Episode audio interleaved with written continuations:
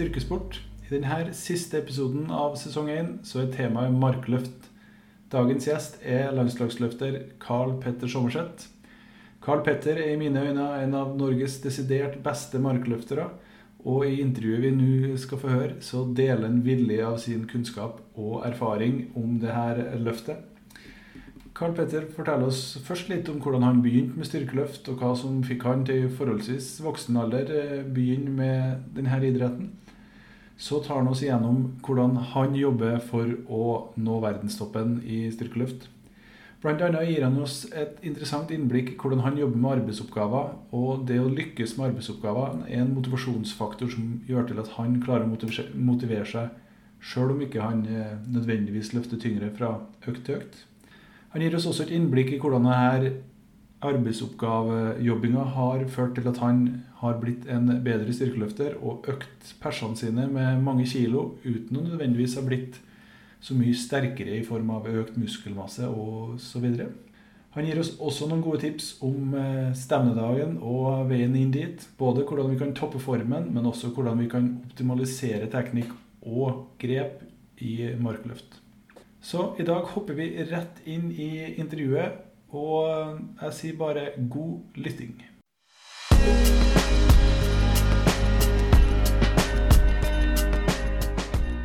Velkommen til Styrkesport podkast, Karl Petter. Takk for det. En sånn kort intro, tenkte jeg. Du er jo eh, landslagsløfter. Du har vunnet NM utstyrsfritt de tre siste årene. Det er to Ja, kanskje tre. 17, 18, 19, stemmer ikke? Ja, det stemmer vel når jeg tenker meg om. I hvert fall 18 og 19. Har, ja, jeg mener, har du sjekka på Jeg husker ikke, jeg tenker ikke så langt tilbake. Jeg tenker framover. ja, men det er bra. Du har eh, vant i 2017 eh, med 819 kg sammenlagt. OK. Ja, det stemmer. Slo, det var da jeg slo Jørgen. Ja. Første gang jeg vant det. Med Jørgen og Martin på pallen, tror jeg full Oslo sykkelklubb. Ja, det var morsomt. Ja. Stemmer det. Ja, det var, ja, tida går så fort. I tillegg så har du jo alle norgesrekordene i 120, bortsett fra tre løft, nei, enkel løftbenk. Ja, den jeg hadde alle lita stund. Men så mista jeg han eh, Hva heter han igjen? Godeste spesialbenkeren. Spikkestad. Per Marius, ikke det? Per Marius Ole, ja. ja. Han er rå fyr. Det er veldig kult at uh, han tok den. Så jeg ja. håper jo at vi kan knive nå framover. For det, den rekorden bør jo flyttes i hvert fall 20 kg, tenker jeg. Ja, men da begynner vi å nærme oss et uh, bra nivå, gjør vi ikke det? Jo, da, da, begynner det å bli bra. Ja, ja. Men jeg syns han har vært han har vært liksom rundt der han er nå i fem-seks år, så er det på tide at han blir flytta litt, med. Ta det videre, ja. ja. Ja, jeg tenkte eh, sånn, vi skal jo, Temaet i dag er jo markløft. og Grunnen til at du er med, er jo for at du er jo helt klart en av Norges beste markløftere. Det er jo ikke noen overdrivelse å si.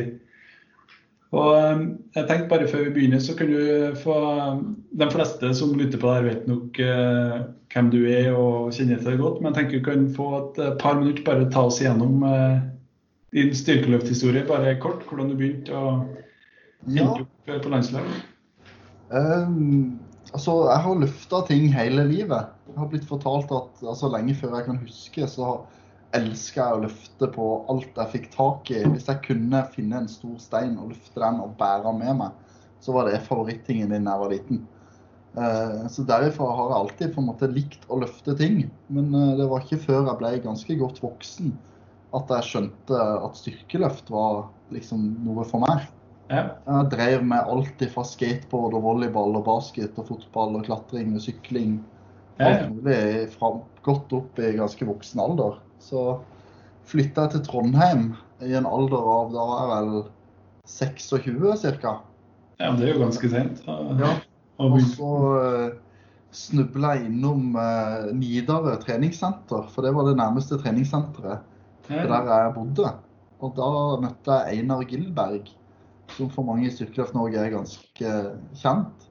Ja, han er jo eh, ja. Og for å gjøre en lang historie kort, så eh, trente jeg en stund på Nidarø noen måneder. Og så fikk jeg mulighet til å bli med på mitt første styrkeløftstevne på Det var julestevne KK60, på KK67 i 2011, Mm. desember. Og deltok der med lånt utstyr fra alle. Jeg tror jeg hadde kanskje fått kjøpt mitt eget belte og mine egne sko. Okay. Jeg lånte singlet og håndleddsbind, og eh, jeg hadde jo ingen peiling. Men eh, etter det stevnet der, så var jeg egentlig hekta. Så var det all in på styrkeløft. eh, Slutta å løpe. Og jeg fortsatte jo med mange av de andre tingene. Jeg spiller jo basket og volleyball ennå hvis jeg får sjansen. Ja, ja. Og ikke så mye løping lenger, men av og til litt sprinttrening og sånt. Ja. Men stort sett alt jeg gjør nå, er jo for å bli bedre i styrkeløft. Når du vil si, var det allerede etter det stevnet at det på en måte ble fokuset, eller eh, Altså, eh, det, fokus var jo at styrkeløft var veldig gøy etter det stevnet. Ja. Uh, og så hadde jeg litt lyst til å se hvor, hvor god kan jeg bli. Jeg har alltid vært veldig fascinert av sterke folk og, og det å løfte masse kilo. For meg var det veldig det var utrolig målbart. da. Og så får du én kilo mer på stanga, og så har du blitt én kilo sterkere. da. Eh, Så for meg var det utrolig gøy. Veldig målbart, veldig enkel måte å se fremgang på. Og så var det noe jeg hadde anlegg for. Jeg ble nok raskere sterk enn mange andre. ja. Jeg var allerede ganske sterk når jeg begynte, for jeg hadde jo trent mye styrke, bare ikke knebøy og markløft. ja. Trent mye biceps og mye benkpress og mye pullups og mye pushups. og Jeg har trent hele livet. Så- Hadde et grunnlag. Mm. ja, jeg husker veldig godt første gang jeg så eh, en ordentlig markløft. Eh, det var, da var jeg trente på det som da var Selsbakk treningssenter. Det var en avdeling av Nidarø. Det var Mm. første gang jeg var der, og da var det et par styrkeløftere som var der og trente. Da husker jeg Espen Myrholt, husker du han? Ja, ja. Minus 74 kilos ja. Løfter. Nidarøløfter. Jeg husker jeg så de lasta på og lasta på, så løfta han 200 kilo. Det husker jeg, det var helt sykt. Det var ganske kult å tenke på nå. Er liksom, Perspektivet har forandra seg litt. det har forandra seg ganske, ganske vilt. Men eh, og jeg så på det og tenkte å shit, hvis han klarer det, så må jo jeg òg klare det. Ja. Eh, Så på et eller annet merkelig vis så fikk jeg til å løfte den vekta da, den dagen. Allerede da. Ja, så det var, det var veldig gøy. Det var langt ifra noe pent løft, eller jeg røska og reiv og fikk det opp, da.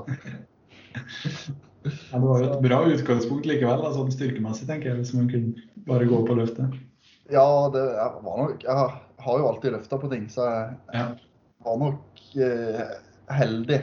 Jeg hadde jo aldri løfta noe særlig markløft før det. Jeg visste jo ikke hva det var engang.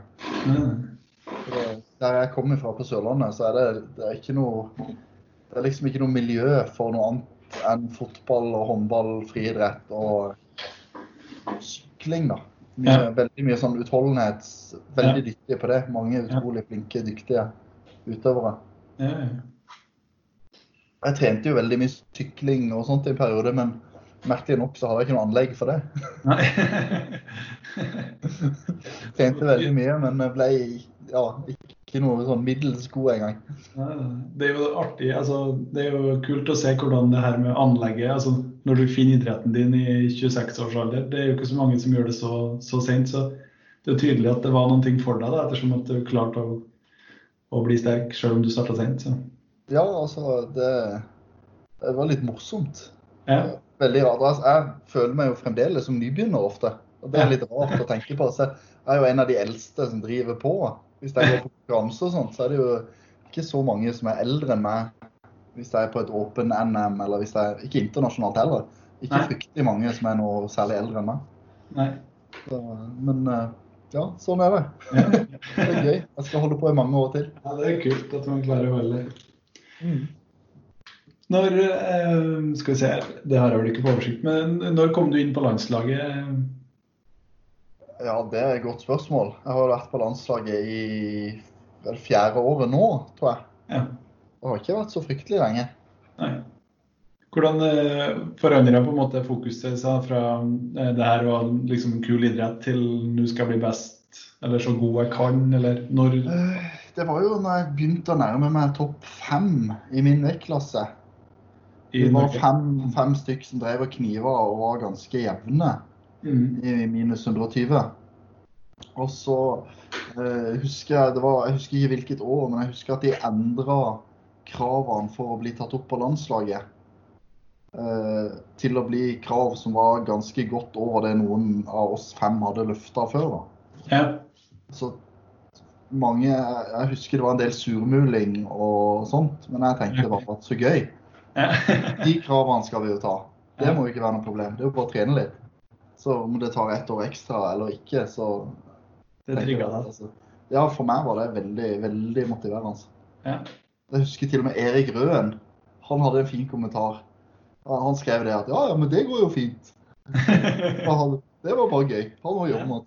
ja, ja, ja. Det skal ikke være noe dårligere enn han i hvert fall. Jeg Skal, skal ikke la meg knekke av at de setter Altså, kravene, de var jo veldig fair. Når vi ser tilbake nå, så var det jo Altså, vi er jo langt forbi der. Det er jo flere som løfter mer enn ni. Ja, ja. Det sier litt om, eh, om mentaliteten da, når man eh, blir trigga av det og, liksom, og ikke blir knekt av det, som du sier. Så det er jo Og det opplever jeg jo at kjennetegner deg litt. At du, eh, du Jeg så jo den reportasjen der du har de medaljene du hadde på gymmet ditt, det var dem der du ikke hadde vunnet. Ja, det stemmer. De henger der. Jeg har ikke tatt vare på alle de, men eh, det er litt sånn, det er mye sånn deltakermedaljer og sånt som en får eh, når man har vært med på ting. Eh, og det Jeg har jo lyst til å vinne. Det det er liksom er veldig konkurranseinstinkt. da. Og det, det er jo for meg veldig gøy. ikke sant? Når jeg, de siste årene jeg har vært med på NM, så har jeg liksom det har ikke vært nok å vinne. Jeg har lyst til å løfte mest av alle. Uansett vektklasse. Litt sånn Ja, det er litt morsomt å være, være sterkest, da. ja, det er jo kult. Det er jo det Ja. ja. Jeg vet jo, jeg kommer ikke alltid til å være det, og det kommer en dag hvor mange kommer til å slå mine perser og rekorder. Og det syns jeg bare Det gleder jeg meg til, for det, alle rekorder er til for å slås. Ja. Det er liksom gøy at jeg har fått ha de i en liten periode. Ja, ja. Skal jo jeg gjøre mitt for å øke de? Du er ikke ferdig ennå, du? Nei, nei, jeg holder på. Ja, ja. Du har jo opp igjennom eh, I starten så konkurrerte du for Nidarø, som var en ren utstyrsfri klubb, i hvert fall på den tida. eh, Og er vel kanskje fortsatt da. Men eh, så har du testa litt eh, utstyrsløfting opp igjennom òg. Ja, Hva er status der nå? Eh, Status der er at jeg prøvde et utstyrsstevne nå sist. Men da, det jeg ikke fortalte noen før det, på en måte, det var vel bare Lars som visste det, treneren min, at jeg var ganske solid skada. Jeg hadde noe trøbbel i ryggen som gjorde at eh, det var veldig vanskelig å få trent. Og eh, når jeg kjørte knebøy og markløft, så løfta jeg bare med høyresida mi. Kroppen kutta helt venstresida. Såpass, ja. Eh, men jeg hadde veldig lyst til å kvalifisere til Stavanger Ja, ja. med utstyr. VM i Stavanger. Så jeg tenkte jeg må prøve uansett. Så tenkte jeg at uansett hvor skada jeg er, så skal jeg vel, hvis jeg får én godkjent knebøy, Ja. så skal jeg fint klare å kvalifisere. Men uh, når jeg kom til stevnet og satte i gang, så var det egentlig ganske håpløst. ja. Uh, å bøye 350 kilo på én fot, det Det- jeg, var ikke sterk nok til det, altså. Det gikk ikke. Nei, nei. Eh, Var det kun VM i Stavanger som trigga, sånn at utstyrsløftinga er, lagt på hylla, eller? Er det... Nei, det kommer nok tilbake. Eh, jeg håper jo ennå de kan få gjennomført VM i Stavanger. Ja. Med eller uten meg, eller hva det blir, så håper jeg jo de får det til. Eh, Ja. Sånn som jeg ser det nå, så er det veldig vanskelig å skjønne hvordan de skal få det til. Men eh, Ja. det kan godt være at Jeg håper at de gjør det. Ja. Jeg tror det er veldig mange land som ikke vil møte opp hvis de arrangerer det. ja. Men eh, eller, om de utsetter det et år, eller hva det blir eh, Jeg får jo ennå frysninger når jeg tenker på når de hadde sist VM i Stavanger. Jeg var der som tilskuer. Ja. Det var eh, utrolig stort, altså. Ja, ja, ja. Har, skal, skal du se noe gøy? Nå skal jeg flytte. Skal du få se. noe inn på soverommet mitt. Ja. Skal vi se. Her er airconditioner. Skal vi se. Her er klesskapet mitt. Åpne her. Klarer du å se der? Ikke helt det. Nei, det er alle målene mine. Skal vi se. Og der, fra jeg begynte, så har jeg skrevet alle persene mine inn på det arket. Ja, ja, det der ikke jeg sett Fikk før. Ja. på VM i Stavanger 2013. Ja, ja, ja, ja. Den henger, henger der Den ser du i klesskapet hver dag. hver dag. Jeg måtte bare vise den til deg. Det er litt gøy. Det motiverer. Ja, det... Nei, det er Hver gang hvis jeg har satt en ny personlig rekord på konkurranse, så må jeg inn og skrive på den lappen her. Ja, ja, ja. Det er liksom viktig. Det er en sånn eh, motivasjonsfaktor, det. Det er veldig gøy. For meg så skriver jeg hva jeg har løfta og hvilken dato det var. Ja. Jeg har jo inntrykk av at du er god på sånn her eh, å liksom skape sånne triggere, kan man si. Da, sånne ting som gjør til at eh, du blir motivert og, og liksom jobber får til å jobbe mot målene dine uten å miste motivasjon på det. Jeg er veldig glad i å sette meg delmål. Ja. Jeg er veldig glad i å jobbe altså i, styrkeløft er jeg veldig glad i å jobbe med små tekniske detaljer i løftinga mi for å Ja. bli bedre. Og på en måte bestemme meg for at eh, en treningsperiode så har jeg fokus på eh, det jeg jobber med nå, f.eks. veldig på teknikk i knebøy. Å holde eh, spennet ekstra godt i bunnen av knebøy. Det er et fokus nå Ja. trykke skikkelig godt rundt hele beltet og være skikkelig tight i bunnen. Eh, Det er noe jeg jobber med nå for å bli enda bedre der. Det er sånne småting jeg jobber med i alle øvelser. Så du har sånne Ja. Ja, det, liksom, det, det blir for meg da automatisk, når jeg får det til, når jeg kjenner at oi, nå gjør jeg det enda bedre, så blir det en liten belønning da. For å fyre det litt endorfiner i, i bakhodet og smile litt ekstra på trening. Du får litt mestring som ikke er knytta til kiloene, men som Ja, for det, det er jo veldig sjelden jeg får mulighet til å løfte mer enn på en måte jeg har gjort før. ja, Det, det er sjelden gang i konkurranse. det Eh, er klart på det nivået der, så er det eh, ja, veldig sjelden på trening at jeg løfter over 350 i markløft. Og det, er, Ja. det er veldig sjelden. Det- det- Det er jo et godt tips man kan ta med seg, tenker jeg, for um, å, å klare å skape de her motivasjonsfaktorene og den belønninga. Du sier med at man, eh, man lykkes med noen ting og, og liksom og kjenner på det, selv om man ikke trenger å kjenne på at man klarer å løfte mer den økta, men at man har noe konkret som man jobber med. Mm, Jeg tror veldig mange, spesielt nybegynnere, har ekstremt mye å hente på å bli bedre teknisk. Ja. Alle kan bli sterkere, men veldig mange vil kunne hente forferdelig mange kilo på noen små tekniske justeringer. Spesielt på det du tenker vi skal snakke om i dag. Vi skal snakke mer om markløft. ja. Der er det, jeg har henta utrolig mange kilo uten å nødvendigvis bli så fryktelig mye sterkere eh, i kroppen. Men jeg har blitt veldig mye bedre til å utnytte kroppen jeg har. Fordi jeg har blitt ja. ja, blitt mye flinkere til å på en måte sette mye bedre vinkler. da. Det er jo Mm. det vi holder på med i idretten vår. Det er jo å skape best mulig vinkler med den kroppen vi har for å produsere kraft. Utnytte kraften effektivt. Mm. Vi kan, eh, vi, som du sier, så er jo temaet i dag er jo markløft. og eh, Min sånn overordna plan er bare sånn at du eh, følger litt med på hva, vi, hva jeg tenkte. At vi snakker, går gjennom, eh, snakker litt om teknikk først. og Der er av at du har et veldig sånn detaljfokus som jeg er interessert i å høre om. Mm. Og så snakker vi litt om trening eh, til slutt, og eventuelle tips og triks der. Um, hvis vi bare kan begynne litt sånn grunnleggende, hvis du skal, hvis du skal instruere noen en markløft, eh, ta oss, hvis du kan ta oss litt igjennom sånne punkter som er, er viktige, og hvordan du vil ha Ja, eh, for meg så er, det på en måte hver gang jeg skal gjøre et løft, om det er markløft, om det er knebøy eller benkpress, er det om å gjøre å finne på en måte noe jeg kan gjøre helt likt hver gang. Så at jeg fokuserer på at jeg, jeg stiller meg med samme bredden i føttene hver gang i markløft. Jeg har samme avstand til stanga hver gang jeg stiller meg opp. Altså mener jeg fra stanga inn til leggen. mm. Sånn at stanga ligger på samme plass over foten hver gang.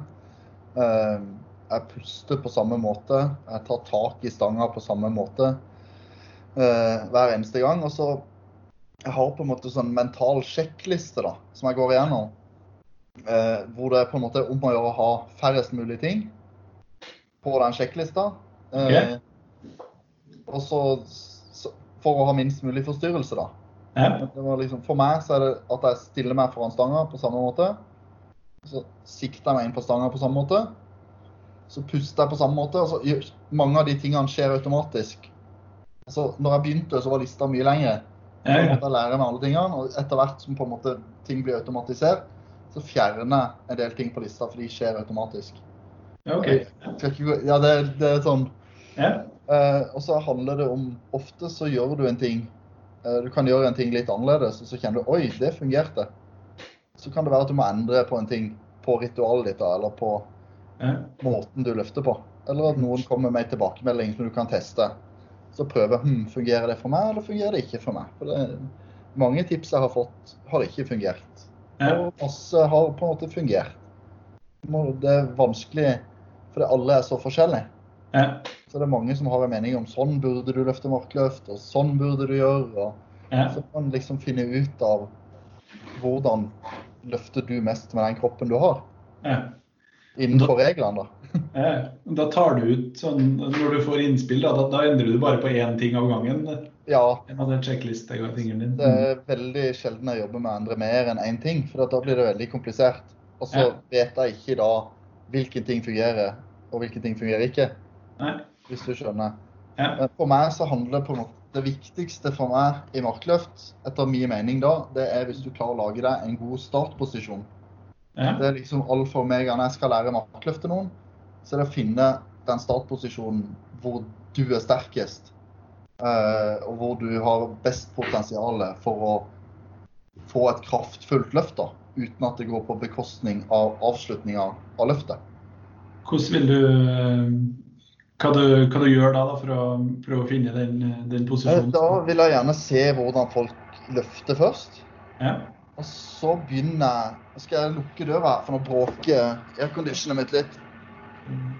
Slipper du å høre alt det støyet. Ja, ja. Dere har sommer der sørpå, det sliter ikke med her oppe. vet du, så Det det, var 30 grader i Oslo i dag.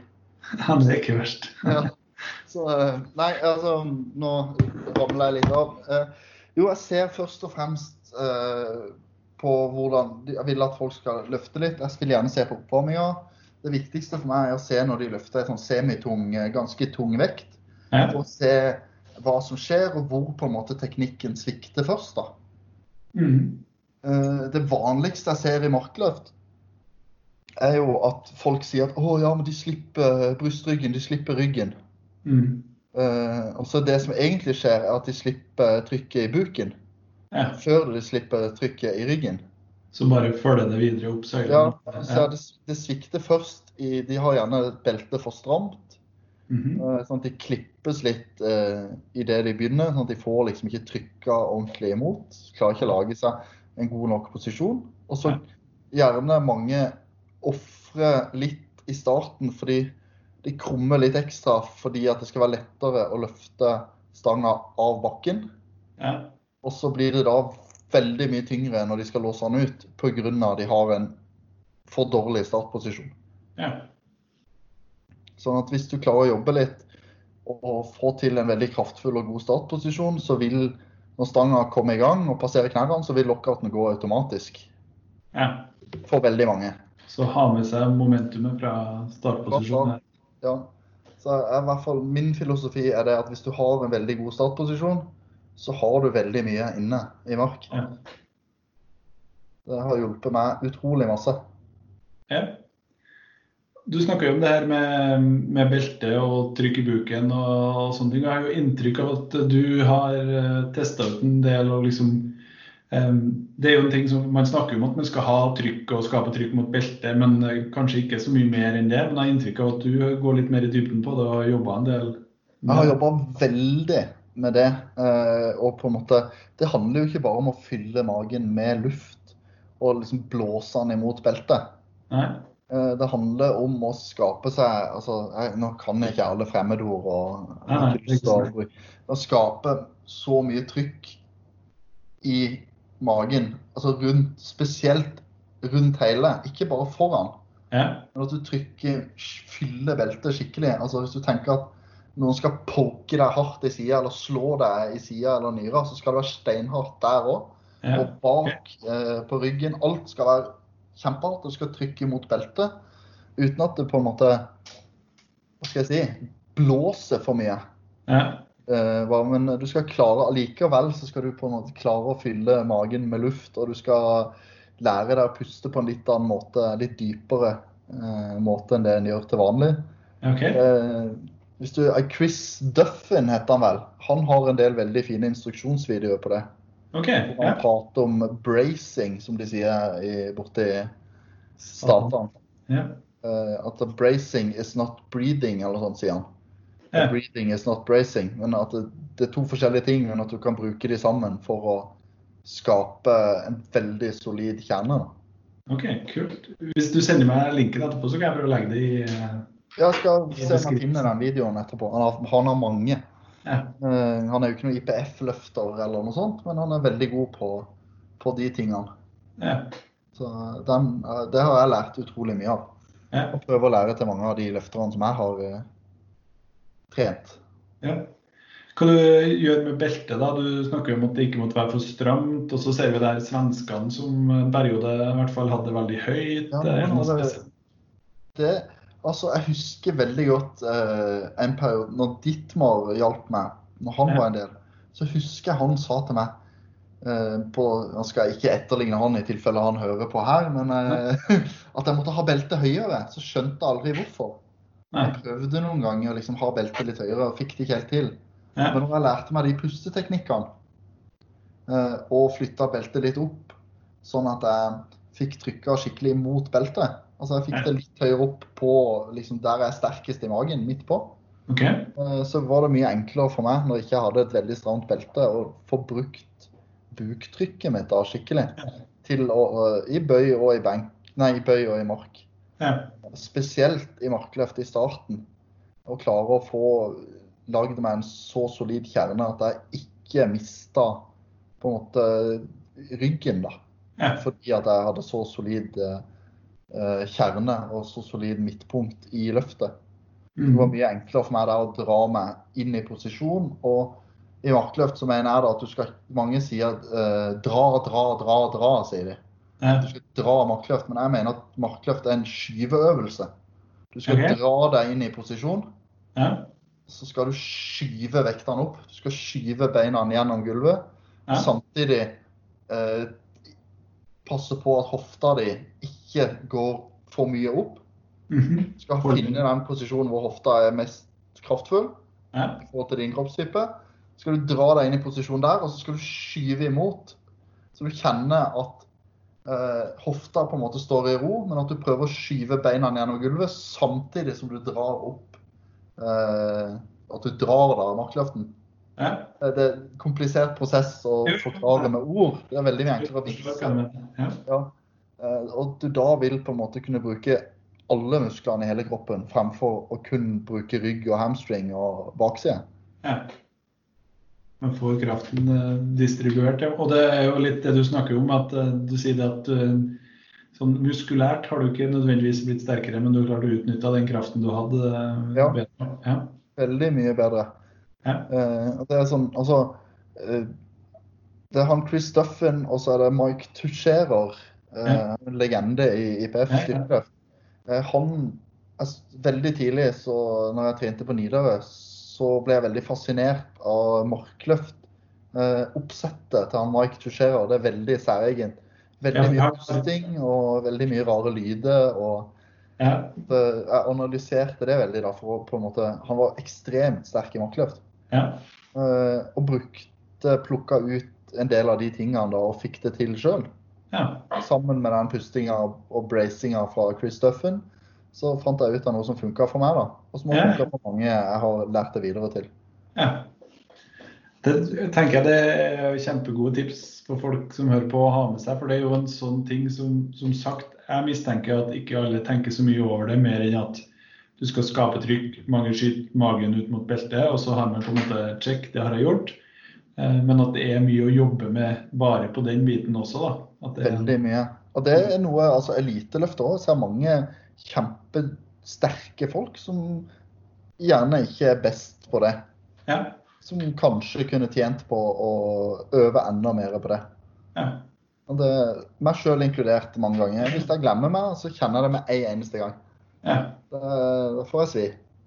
ja, ja, ja. Det, det på en måte Det som gjorde en stor forskjell for meg, var at i mange år når jeg trente markløft, mm.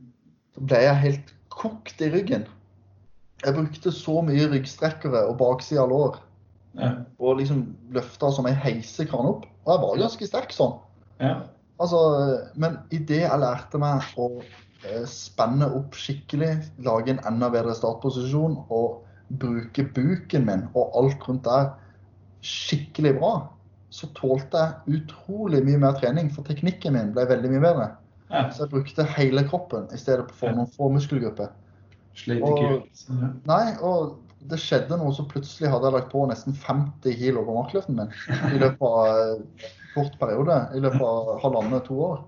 Så ja, 40 kilo iallfall. Ja. Og jeg eksploderte når jeg fant ut av på en måte, For da tålte jeg mer trening. Og I tillegg til at jeg var sterkere, så tålte jeg mer trening, og det igjen gjorde at jeg ble sterkere. Jeg fikk kortere restitusjonstid eh, fordi at jeg trente på en mye bedre teknisk måte. da. Ja. Klart å utnytte kraftpotensialet, hvis man kan kalle det det, på en Ja. en riktigere måte. Ja. Det å bli skikkelig, skikkelig sterk, da må en jo Altså, for meg handler det å bli sterkere om å alltid trene eh, på en måte lite nok og fremdeles bli sterkere. Men på et eller annet tidspunkt så må du trene mer. Ja. Og jo sterkere du blir, jo mer må du gjerne trene for Ja. å bli enda sterkere. Ja.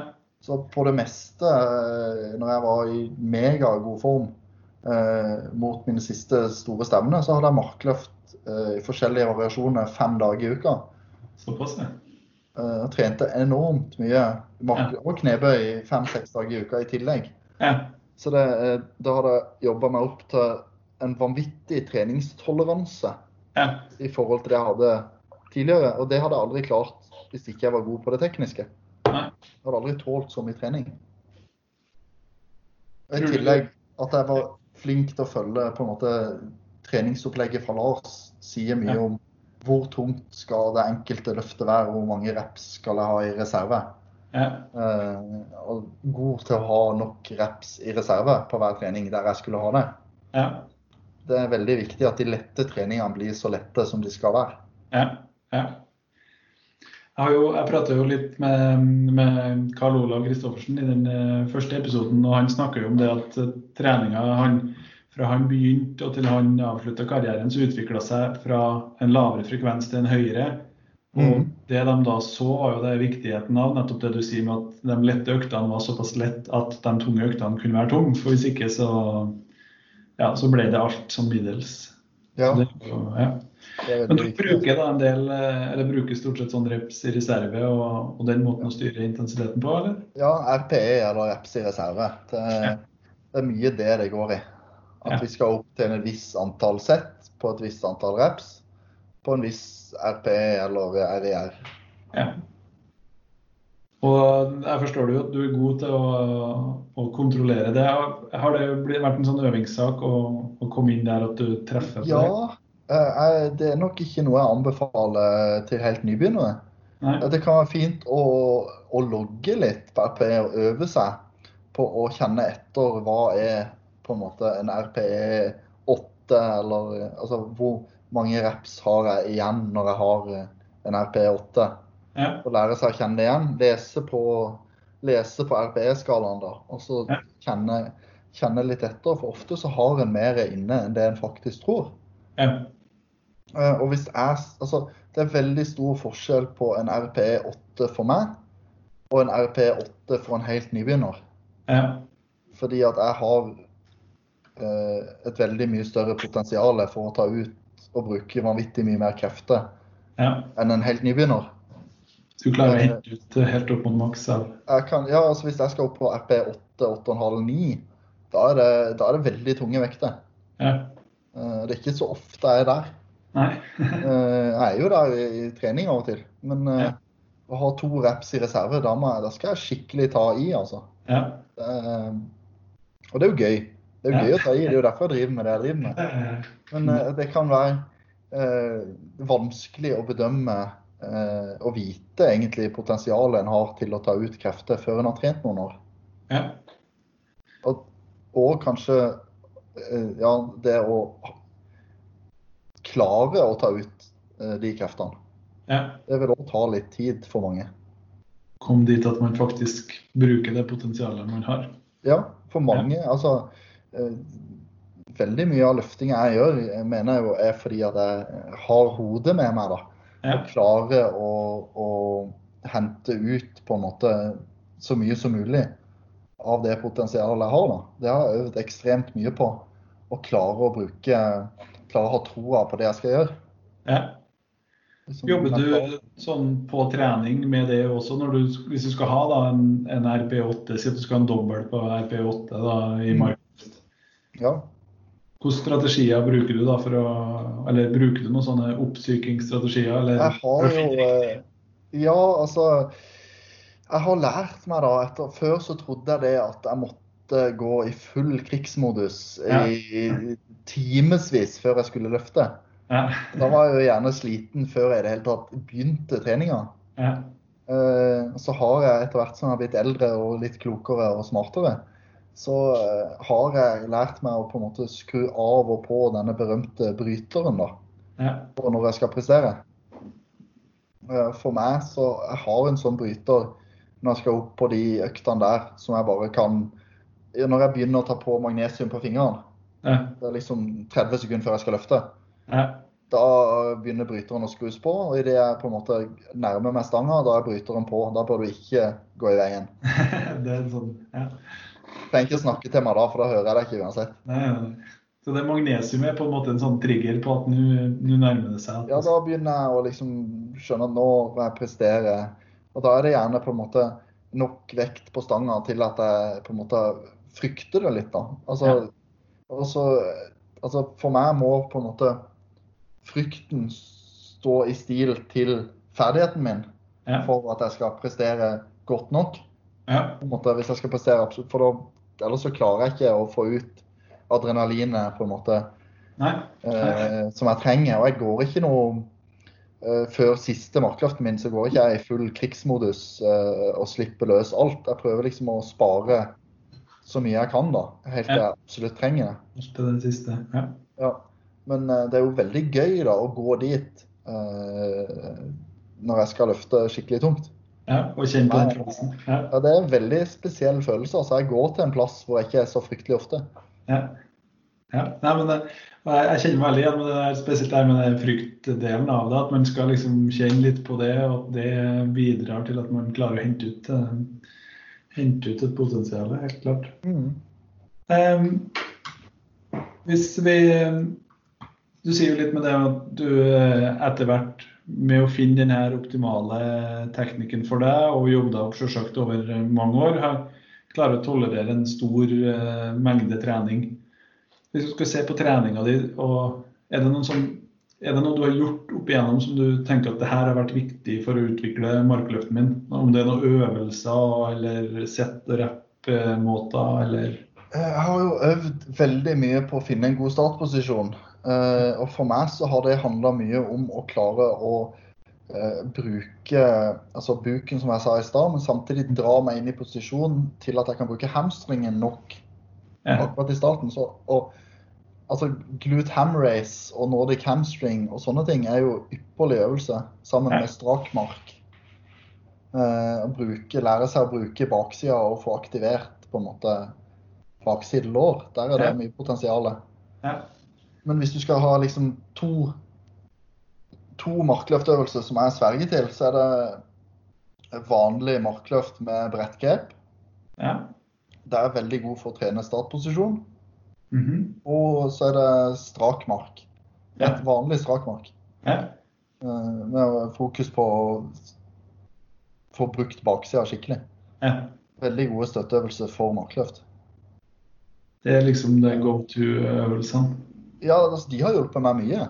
Ja. Altså, jeg er veldig for å ikke Altså, keep it, keep it basic, mener jeg. Hold Ja. det enkelt. Ja. Du trenger ikke masse fancy eh, maskiner og øvelser for å bli fryktelig sterk. Nei. Eh, Det kan være greit å kjøre noen flotte støtteøvelser innimellom, men hvis du skal bli sterk, så må du på en måte trene på det du skal bli sterk i. da. Ja, ja. I løpet av en treningsuke, da, hvor mange vanlige altså konkurransestil markløftøkta har du? Har du én eller flere? Eller? Eh, Det varierer jo veldig fra periode til periode. Ja. Eh, Nå har jeg hatt én vanlig, eh, og så har jeg en strak mark, og så har jeg en markløft fra klosse. Tre markløft har jeg hatt nå en periode. Ja. Er å liksom For jeg holder på å bygge meg opp igjen til å tåle mer trening etter en skade. Ja. Det har vært nok for meg. Og nå blir fokuset fremover.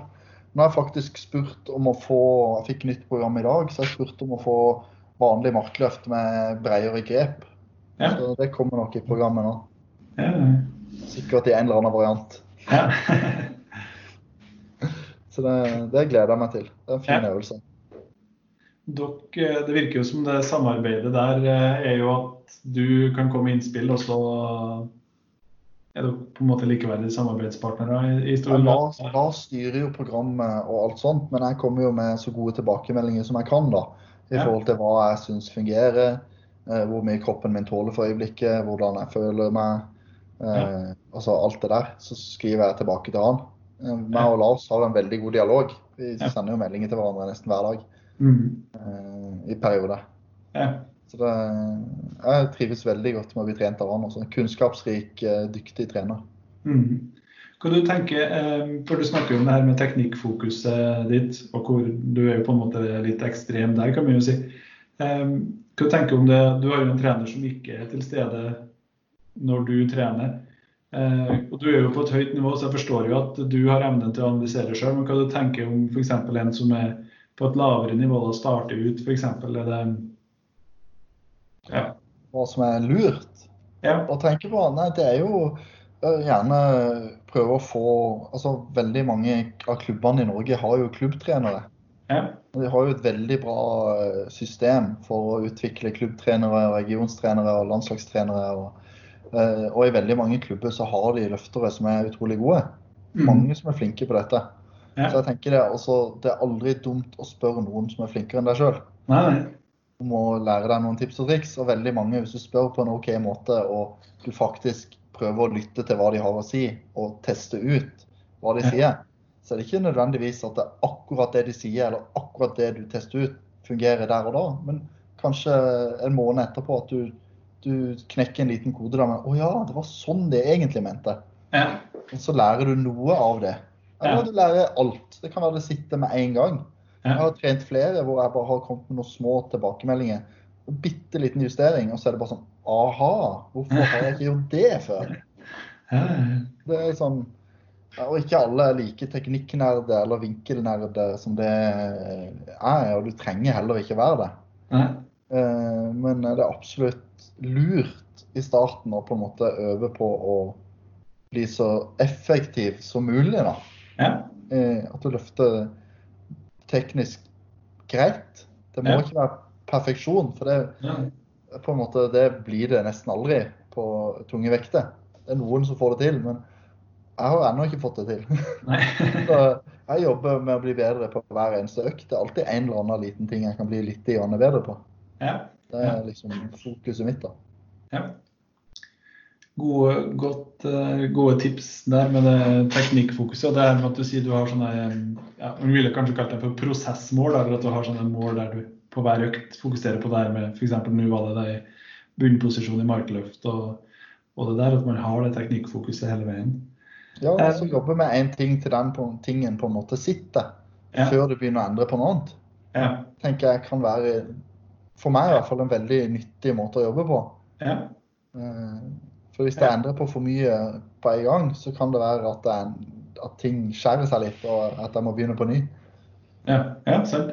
Man snakker jo om det når man eh, i, eh, For å bli litt mer på den eh, nerdete sida, men sånn i Mm. motorikk og motorisk innlæring så snakker man om frihetsgrader. Og så Hvis vi tenker hver ting du fokuserer på, er en frihetsgrad, da, Ja. så isolerer man sånn at man har et, en mengde frihetsgrader man klarer å kontrollere. Og Det er jo egentlig det du sier, at man må, må finne noen ting som er håndterbart, og så fikse det, og så gå videre. Ja. Ja, og så tenker jeg det at skal du endre på noe, så kanskje ikke endre veldig mye. Nei. Ikke gå fra skikkelig nakkebøy til ultra lowbar-stil og kjør bare det, liksom. Nei. Nei. Gjerne kanskje eksperimentere litt med bredde på føttene. Kanskje flytte deg eh, noen centimeter smalere eller noen centimeter bredere, men hold med et par centimeter av gangen og test. Ja. Eh, ikke eh, endre altfor drastisk. Mm. Det tenker jeg kan være lurt. Ja.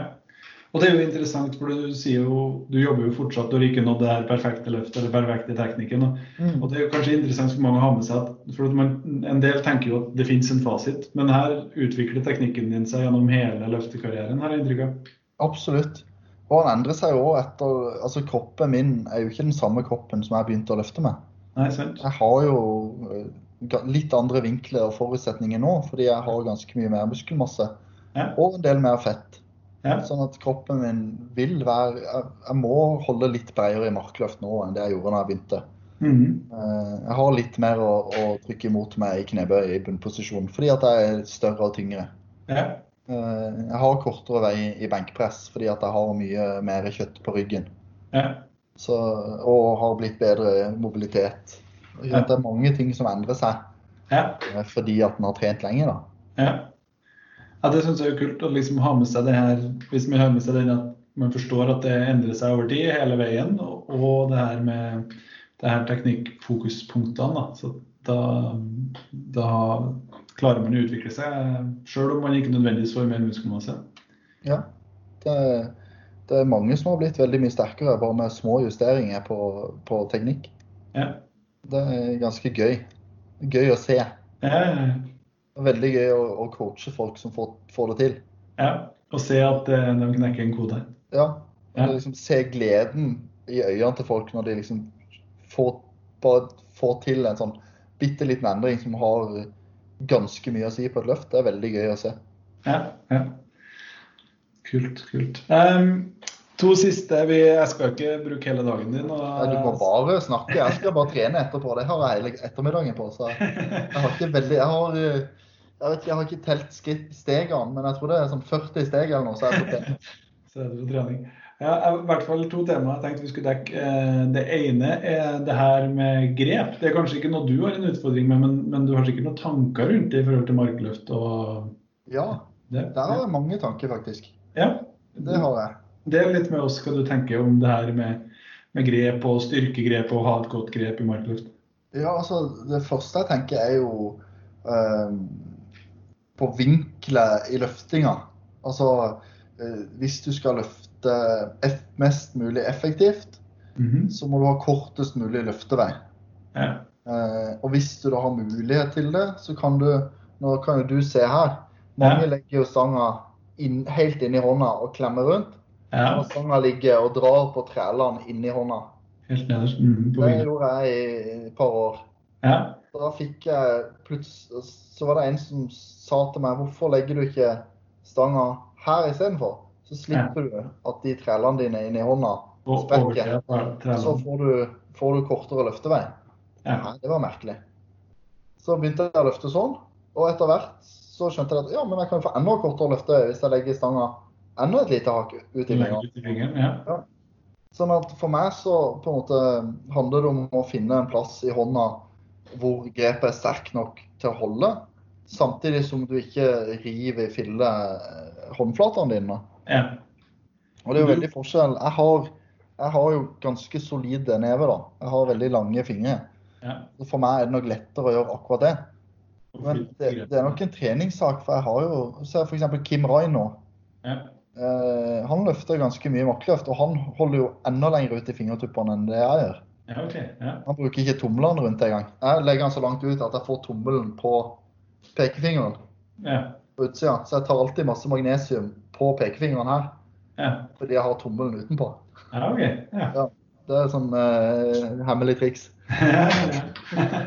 Jeg ser det jo uh, handler jo om For meg, eller for mange, da, så ser jeg at de sliter litt med grep.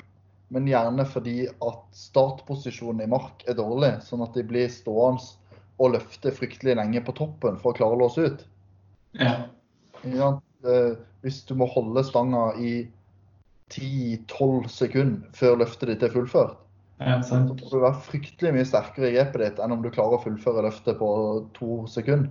Låst ut med en gang. Ja. Ja. Og da må, da må du gjerne ha lært deg en teknikk som gjør at eh, altså startposisjonen din Det føles litt tyngre, men når du får det til, så blir løftet veldig mye lettere. da. ja.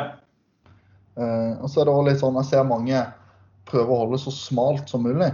Mm. i markløft, og det kan være en fordel for å eh, få kortere løftevei. Ja, det vil jo bli litt kortere. Men Ja. for mange vil det å gå på bekostning av startposisjon og eh, føre til en dårligere posisjon i slutten av løftet, fordi at mange har rett og slett blitt for breie til å holde smalest mulig. Idet du begynner å skal låse ut, så får du faktisk lats og eh, ting i veien for å få skuldrene bak. Blir, massen eh, klemmes. Ja, altså, hvis du trener styrkeløft, så får du mye masse, får en del muskler og masse på ryggen. Det er helt Så, klart. altså det beste tipset mitt for grep er eh, Spesielt på konkurranse og sånt, så blir folk veldig nervøse. Ja. Eh, det første jeg gjør når jeg kommer på konkurranse, hvis jeg ikke har med magnesium sjøl, det pleier jeg alltid å ha med, Ja. det er lenge før jeg begynner å varme opp, så begynner jeg å smøre hendene mine inn med magnesium. ja, okay. Fordi at da holder jeg de tørre hele tida. Ja. Eh, passer alltid på at hendene mine er fulle av magnesium, fordi når jeg blir nervøs, jeg kjenner det til og med nå når jeg Ja, snakker, så blir jeg klam inni hendene, og huden blir mykere. Ja OK. Ja. Det handler om å holde, holde hendene tørre hele tida. Masse magnesium på fra før jeg begynner oppvarminga i knebøy til jeg er ferdig i markløft. OK, ja. Det er et tips jeg ikke har hørt før. og det er jo, altså Jeg er helt med på tankerekken. det er jo, det, Jeg kjenner det jo sjøl, sånn at man blir jo klam i hendene. sånn at eh, Det skal jeg teste ut ved neste Ja, kors. gjør det. Det er for meg veldig viktig. Ja. Nå sliter jeg nesten aldri med grepet, men det er nok fordi jeg gjør mange av de tingene. Og så tenker jeg òg at jeg ser mange som sliter med grepet, som trener fryktelig mye med reime. Ja. Mitt råd til de er vel å trene mindre med reime, da. Ja. Renn reimene. ja. Jeg har trent nesten alle markløftøkter jeg har. Hvis ikke jeg holder veldig bredt grep, ja. så bruker jeg stort sett aldri reime. ja. For da får jeg trent opp grepet. ja. Og det går fint med fingrene og alt. Ja, liksom ikke- ja, ingen problem. Men det, altså utfordringa, sånn som jeg sa i starten, innledninga, hvis du har stanga på trælene her, Ja, så du klemmer trælene nederst ja, så du klemmer trælene, så gjør det fryktelig vondt. Legg stanga der, i, der fingrene begynner. Ja. Der fingrene begynner, og så legg rundt. For det. At med en gang, hvis du har stanga oppå de trælene, med en gang stanga begynner å gli over de, ja. da er du, da er du Jeg har ikke lyst til å si ordet, men da er du, ja, da er du ferdig. Ja. For da, hvis stanga først begynner å rulle inn i hånda di, så klarer du ikke å stoppe den. ja, det er klart. Ja. Det, så mitt første råd til alle som sliter med grep, er å flytte stanga inn dit, selv om fingrene dine er korte. ja. Så ikke legg de på træla inni hånda, for det, at, eh, det er det første som ryker. Ja. Det var det og det her magnesium fra start-tipset var to, eh, to nye for meg, så det var kult. Gode tips. Ja. Eh, Det andre jeg har tenkt eh, å høre litt om, og det er jo klart det her blir litt sånn eh, Det blir individuelt, men eh, uansett eh, inn mot konkurranse, da, hvis vi tenker i markløft. eh, Hvordan topper du formen? Er det noen ting du har funnet ut at det her fungerer alltid? Gjør du det alltid likeens? Har det forandra seg? Ja. Ja, det er et godt spørsmål. Veldig godt spørsmål. Ja. Eh, I mange, mange år så har det på en måte vært eh, veldig sånn i Norge at vi ofte kjører, i hvert fall menn som er tyngre, kjører siste tunge markløften sånn tre uker, eller gjerne enda mer, ja. før konkurranse. Mm. Og så tre, begynner en å trene mindre, mindre mengde og mindre intensitet inn og mot konkurransen. Sånn at du Mm. på en måte nesten hviler deg i form da, ja. inntil konkurransen. Og det har fungert ganske bra for meg i mange, mange år, altså. ja. Eh, Det jeg har gjort de siste årene, er at jeg har nok økt intensiteten bitte litt mer siste halvannen uka. ja OK. Eh, samtidig ikke økt mengden, men at jeg får eh, gjerne ett løft da, som er ja, litt under åpningsløft. Ja. Eh, før, altså ja, et lite stykke under åpningsløft før eh, altså sånn kanskje 14 dager, mellom 10 og 14 dager okay. før konkurranse Ja. for meg. Altså, men det vil jo være veldig, veldig stor forskjell for meg og for en helt nybegynner. Ja. Nybegynner vil kunne restituere mye fortere. Eller jenter. De tåler vanvittig mye mer trening og mer intensitet enn mange av oss guttene gjør. Ja. Ja. Så eh, jeg vil ikke råde ei jente til å gå tre uker uten å løfte noe særlig tungt i markløft før en konkurranse. Nei. Der tror jeg også det er individuelle forskjeller, men de vil tåle å løfte mye tyngre, mye tettere på konkurranse. Spesielt lettere jenter. Ja. Så du må liksom prøve litt, da. Må ikke være redd for å teste nye ting. Spesielt Nei. i starten av styrkeløftkarrieren. Stole på treneren og stole på opplegget ditt. Ja. Eh, og eh, på en måte gjøre deg noen erfaringer. da, Notere ned hva fungerte denne treningsperioden. Ja. var jo annerledes nå i forhold til forrige gang når ikke det gikk så bra? Ja. ja. omvendt, da. Hva Ja. annerledes nå når ikke det gikk bra, Ja. i forhold til når det gikk bra? Ja. Og det blir, selv om det er veldig praktisk, så blir det på en måte en litt sånn vitenskapelig tilnærming. For at man har det, det her har vi prøvd, og så endrer du en ting, Mm. og ser hvordan det påvirker. Og da drar de her erfaringene. En, en ting jeg må legge til her, som jeg mener er det viktigste av alt. Eh, Det handler om alt du gjør utenfor trening. Ja. For det påvirker mye mer enn hvilket program du har og eh, når du skal slutte å trene. Ja. Eh, altså når du skal slutte å trene tungt før en konkurranse. Altså Ja. du må, du må hvile nok. Du må spise nok. Du må ha nok væske. Du må ha lave nok stressverdier i kroppen din, sånn at ikke det påvirker restitusjonen din. Ja. Du, kan trene, du kan trene verdens beste program. Hvis ikke du hviler nok, hvis ikke du spiser nok, og hvis du stresser for mye, Ja. så vil du aldri få den progresjonen. Uansett om du har verdens største talent. Nei. Så, så det nytter ikke. Det er mange som hopper fra program til program uten å få noe særlig eh, liksom De tenker at å, programmet funka ikke. Nei. Nesten et hvilket som helst program funker hvis du spiser nok, og hvis du hviler nok. De Ja. to viktigste tingene. Ja. Få deg en time mer søvn hver natt, og spis nok mat i forhold til Ja. det du trenger. Ja. Spis god mat, ikke spis bare drit.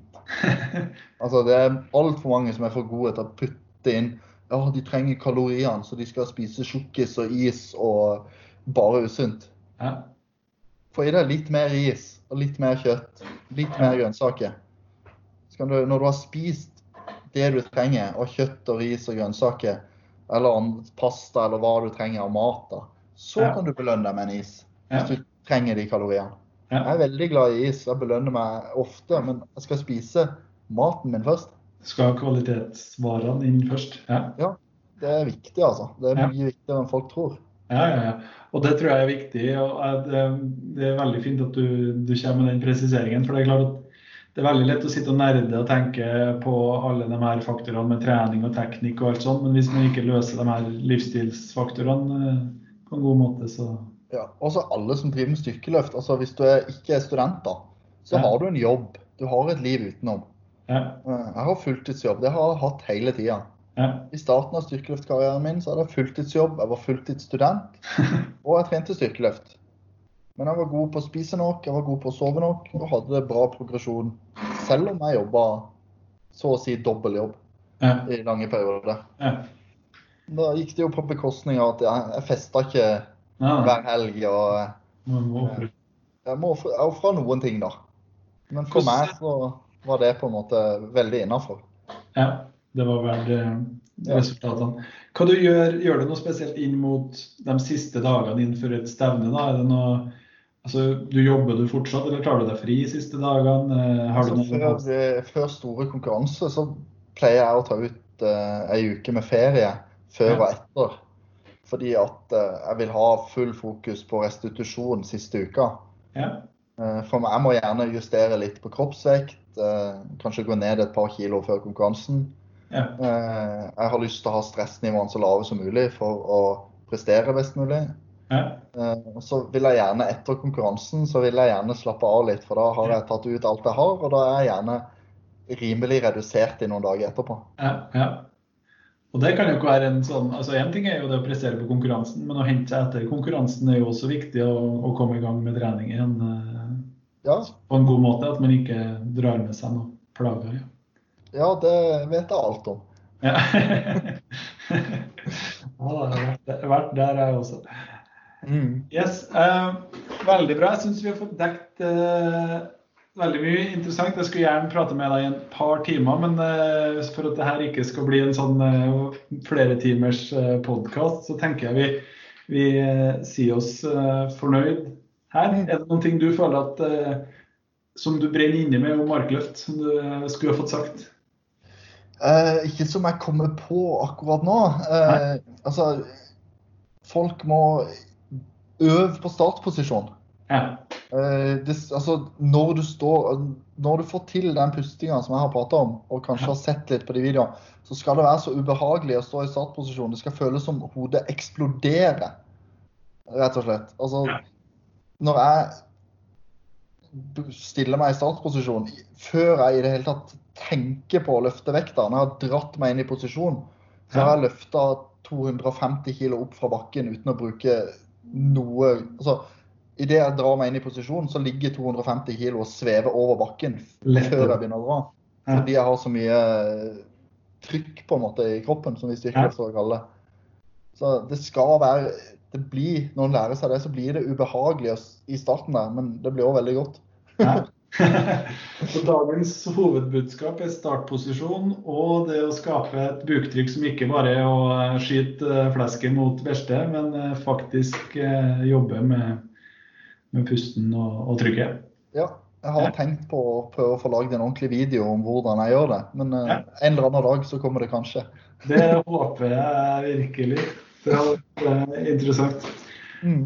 Veldig bra, Karl Petter. Tusen takk uh, for at du stilte opp. Det var veldig hyggelig.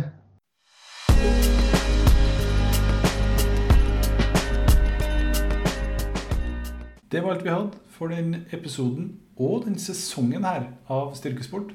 Håper dere har likt og hørt på, at dere eh, har syntes det har vært interessant, og kanskje at dere har eh, lært noe nytt også. Enten som dere sjøl kan bruke i deres trening, eller ta med inn når dere trener noen andre. Jeg vet i hvert fall at jeg har eh, lært masse og fått mange nye innspill i løpet av denne sesongen. Og jeg vet også at det finnes fortsatt mye kunnskap som sitter inn både blant dem vi har prata med, og andre i Styrkeløft-Norge, som det kunne vært interessant å hørt om. Så hvis dere syns det her har vært interessant og vil ha flere episoder av Styrkesport, så gi meg en eh, tilbakemelding på det. Så kan det hende at eh, det dukker opp en sesong to etter hvert. Takk for at dere har eh, lytta på. Og avslutningsvis vil jeg bare si at Carl Petter nevner en buktrykkteknikk, hvis jeg skal kalle det det, i denne episoden her.